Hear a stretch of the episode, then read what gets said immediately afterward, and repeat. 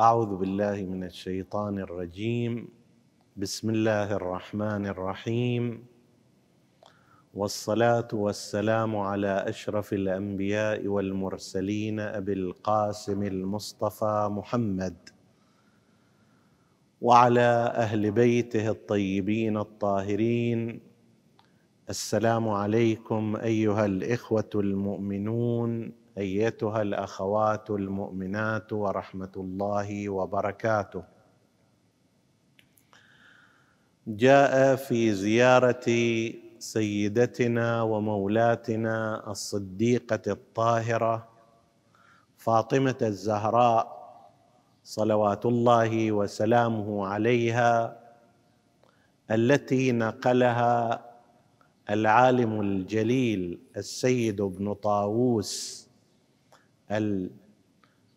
الحسني رضوان الله تعالى عليه جاء فيها هذه الفقرات اللهم وصل على فاطمة بنت رسول الله وبضعة لحمه وصميم قلبه وفلذة كبده والنخبة منك له والتحفة خصصت بها وصية وحبيبة المصطفى وقرينة المرتضى وسيدة النساء ومبشرة الأولياء حليفة الورع والزهد وتفاحة الفردوس والخلد التي شرفت مولدها بنساء الجنة وسللت منها أنوار الأئمة وأرخيت دونها حجاب النبوة. اللهم صل عليها صلاة تزيد في محلها عندك. وشرفها لديك ومنزلتها من رضاك. وبلغها منا تحية وسلاما. هذه الزيارة نقلها العالم الجليل السيد ابن طاووس وهذه من ميزاتها نظرا لأن العلماء يتعاملون مع ما ينقله السيد ابن طاووس معاملة خاصة نظرا لأن الاعتقاد عندهم قائم على أنه يلتقي بالإمام صاحب العصر والزمان عجل الله تعالى فرجه الشريف. ولذلك فإنهم يحتملون أن بعض النصوص التي ينقلها من غير إسناد إلى مشايخه ربما تكون متسلمة من الإمام عجل الله تعالى فرجه الشريف ولكنه لأسباب ربما لا يخبر عن ذلك وأن هذا الكلام سمعته مثلا مشافهة من الإمام صاحب العصر والزمان. ولكن في الغالب علماؤنا يتعاملون مع ما ينقله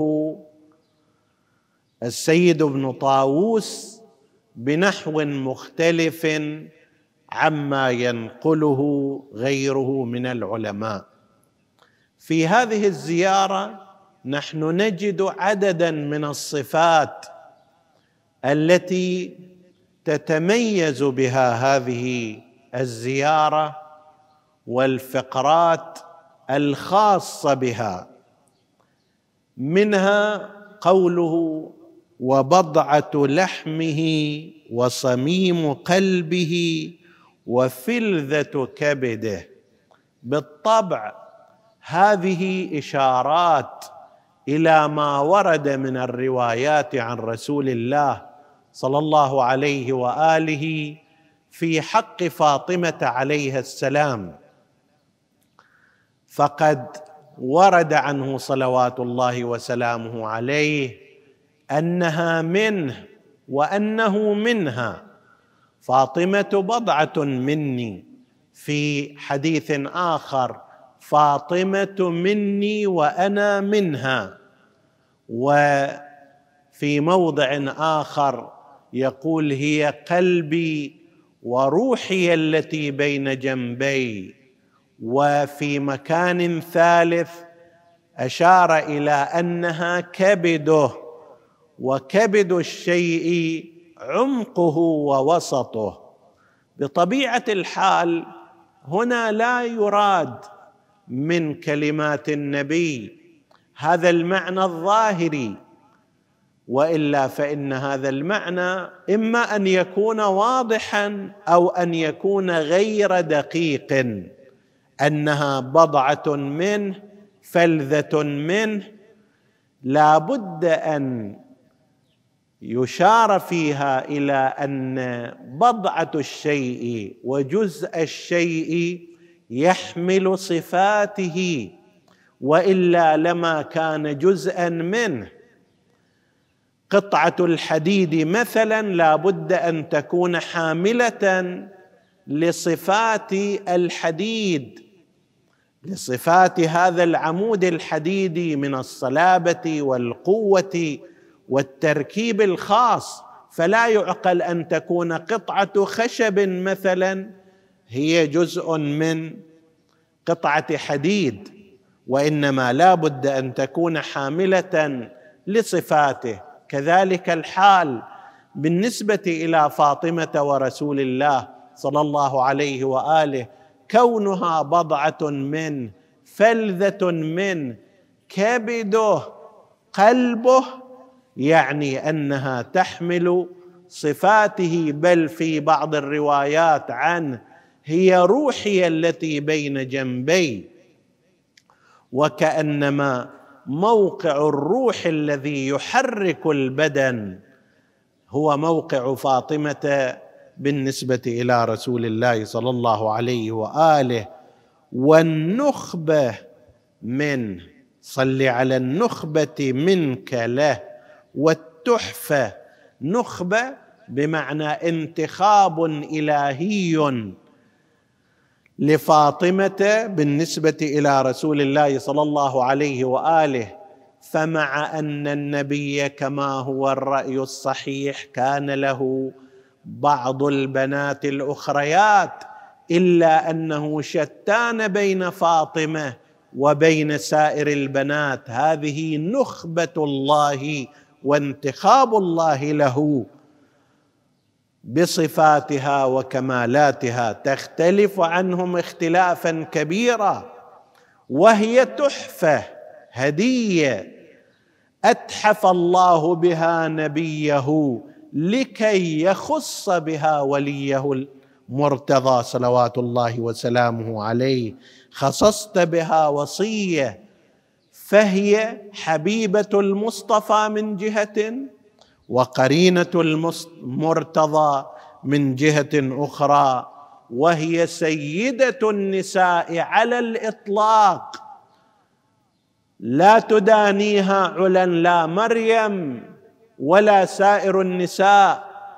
وصحيح أنها وصفت مريم بأنها اصطفيت وطهرت واصطفيت على نساء العالمين لكن هذا الاصطفاء هو بالقياس إلى نساء زمانها كما ذكرنا في غير موضع وهذا يشبه ما فضل الله به بني إسرائيل على العالمين وأني فضلتكم على العالمين بإجماع المسلمين أن هذا التفضيل كان لمن سبق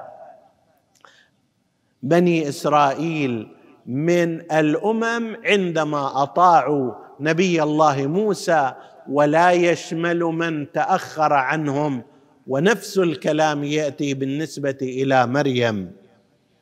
أما فاطمة فهي نساء سيده نساء العالمين جميعا. ومبشرة الأولياء بشر الله بها نبيه وبشر الله بها أولياءه بل كانت مبشرة ومبشرا بها. حليفة الورع والزهد وتفاحة الفردوس والخلد لا نجد تعبيرا في أي امرأة من النساء من نساء الخلائق بل ولا في الرجال بأنها ثمرة الجنة.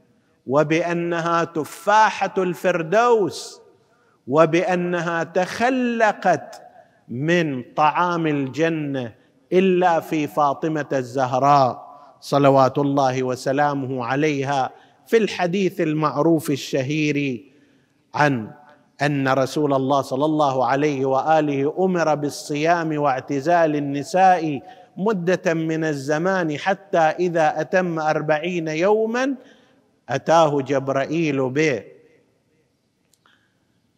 طعام من الجنة قيل إنه التفاح وقيل إنه غيره حتى إذا طعم منه تخلقت فاطمة من ذلك الطعام وتفاحة الفردوس والخلد التي شرفت مولدها بنساء الجنة. بعدما هجرت خديجة نساء قريش مثلا فإذا بالله عز وجل يرسل إليها نساء الجنة وسللت منها أنوار الأئمة فكانت هي واسطة الامتداد بين رسول الله ورسالته من جهة وبين الأئمة وإمامتهم وهدايتهم من جهة أخرى وأرخيت دونها حجاب النبوة ويا ليت أن المسلمين الذين هاجموا منزلها كانوا يرون هذا الحجاب النبوي لكنهم لم يكونوا يبصرون ذلك إذ لا بصيرة لهم. اللهم صل عليها صلاة تزيد في محلها عندك وشرفها لديك ومنزلتها من رضاك وبلغها منا تحية كثيرة وسلاما. اللهم احشرنا في شفاعتها وأنلنا اتباعها ولا تفرق بيننا وبينها وبين بنيها وأبيها وبعلها. إن إنك على كل شيء قدير. وصلى الله على محمد وآله الطاهرين والسلام عليكم ورحمة الله وبركاته.